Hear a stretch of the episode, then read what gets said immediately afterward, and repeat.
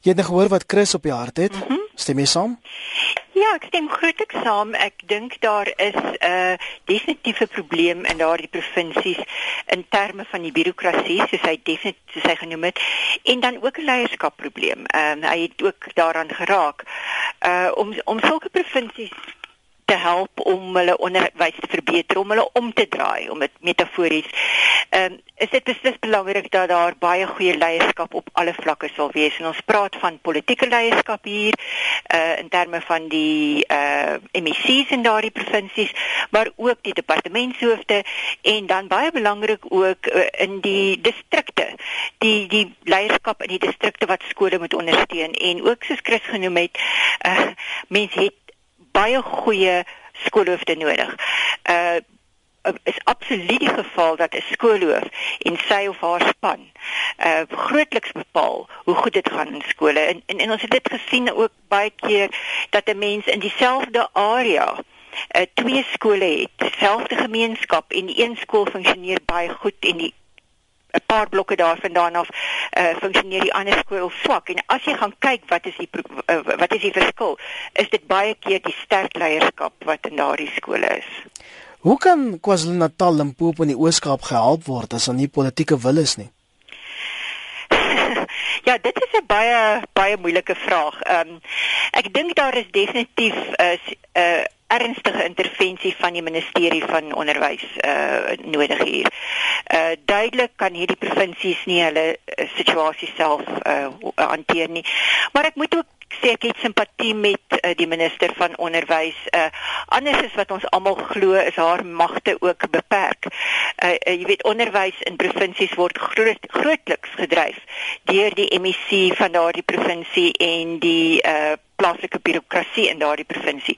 So ja, die minister kan ingryp en uh, daar is al voorheen deur die minister uh, ingegryp in sulke provinsies. Maar daar sal 'n radikale intervensie moet kom en en waarskynlik die vervanging van groot gedeel uh, gedeeltes van die birokrasie in daardie provinsies.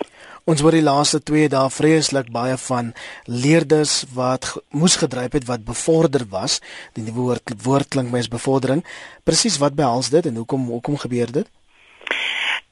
Wel die beleid wat ingevoer is 2, uh, 3 jaar gelede is dat 'n uh, leerder nie meer as een keer in 'n fase mag dryf nie. Nou as 'n mens gaan kyk na fases, ons het die eerste 3 jaar, 4 jaar as jy die graad R insluit van van die skool en dan het jy die uh, gedeelte van die laerskool en dan het jy die senior fase en die FET fase.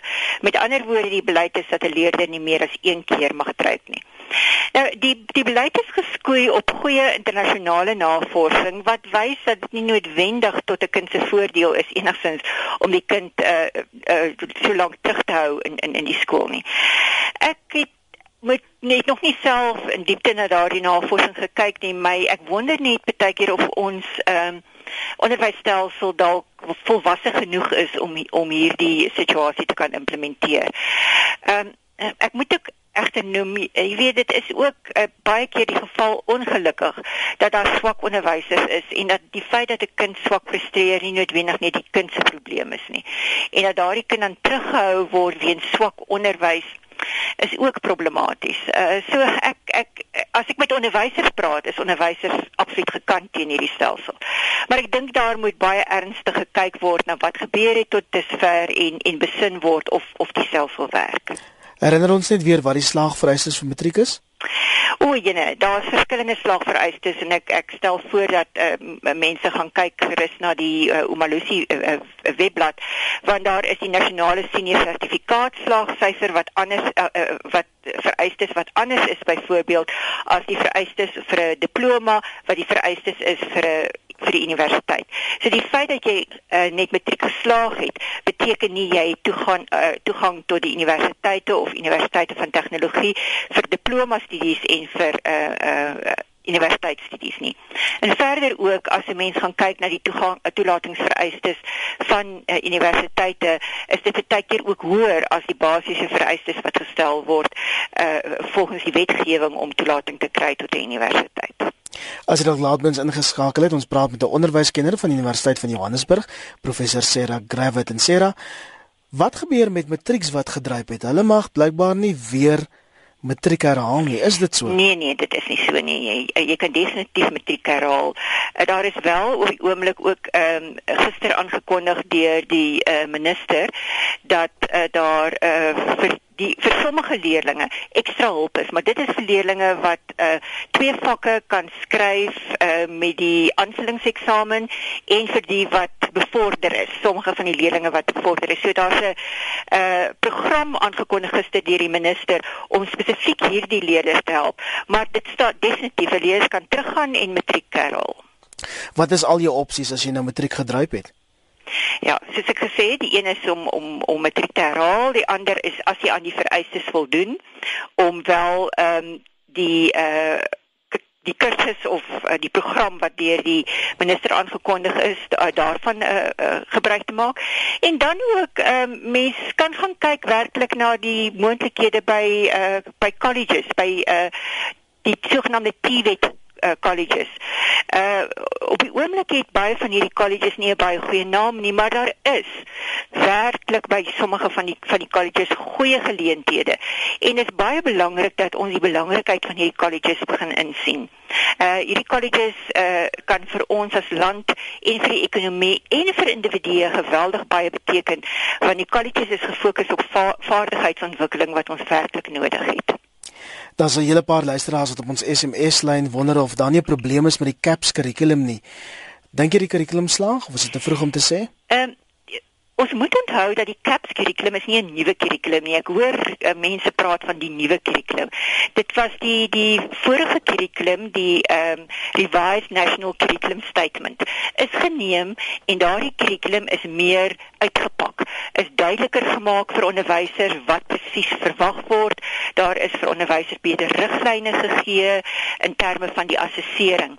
So dit is nie 'n totaal nuwe kurrikulum nie. Wat wel ook die geval is dat daar is sekere uh, vakke uh, en sekere gedeeltes van vakke wat daar bietjie meer verwag word van leerders as voorheen.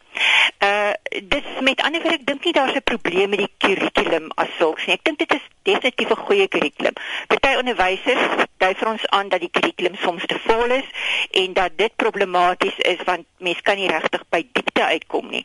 En ook onderwysers dui aan dat die feit dat die uh departement van onderwys so sterk voorskryf wat teen wanneer gedoen moet word, neem baie van hulle vryheid weg. So ervare onderwyser mag dalk uh, eerder uh, die kurrikulum op 'n ander manier sou wou implementeer as wat die departement vereis en op die oomblik vind hulle dit problematies. So ek dink nie die probleem lê noodwendig by die kurrikulum nie, maar daar is dalk um, implementeringsprobleme. Uh, ek dink ons kan gerus wees ons het 'n goeie kurrikulum. Wat moet gedoen word om leerders vroeg bewus te maak van loopbane en dat die akademiese roete, ons praat nou van colleges en universiteite, nie noodwendig die enigste roete is nie? Hmm. Ja, ek dink dit hoor baie vroeg reeds uh, te begin. Uh, en ek en ongelukkig dink ek nie dit dit gebeur genoegsaam nie. Veral nie in in skole waar ehm uh, weet mense basies sukkel om te oorleef. Daar's nie nog die luukse baie keer om te veel te spandeer aan uh, loopbaanvoorligting nie.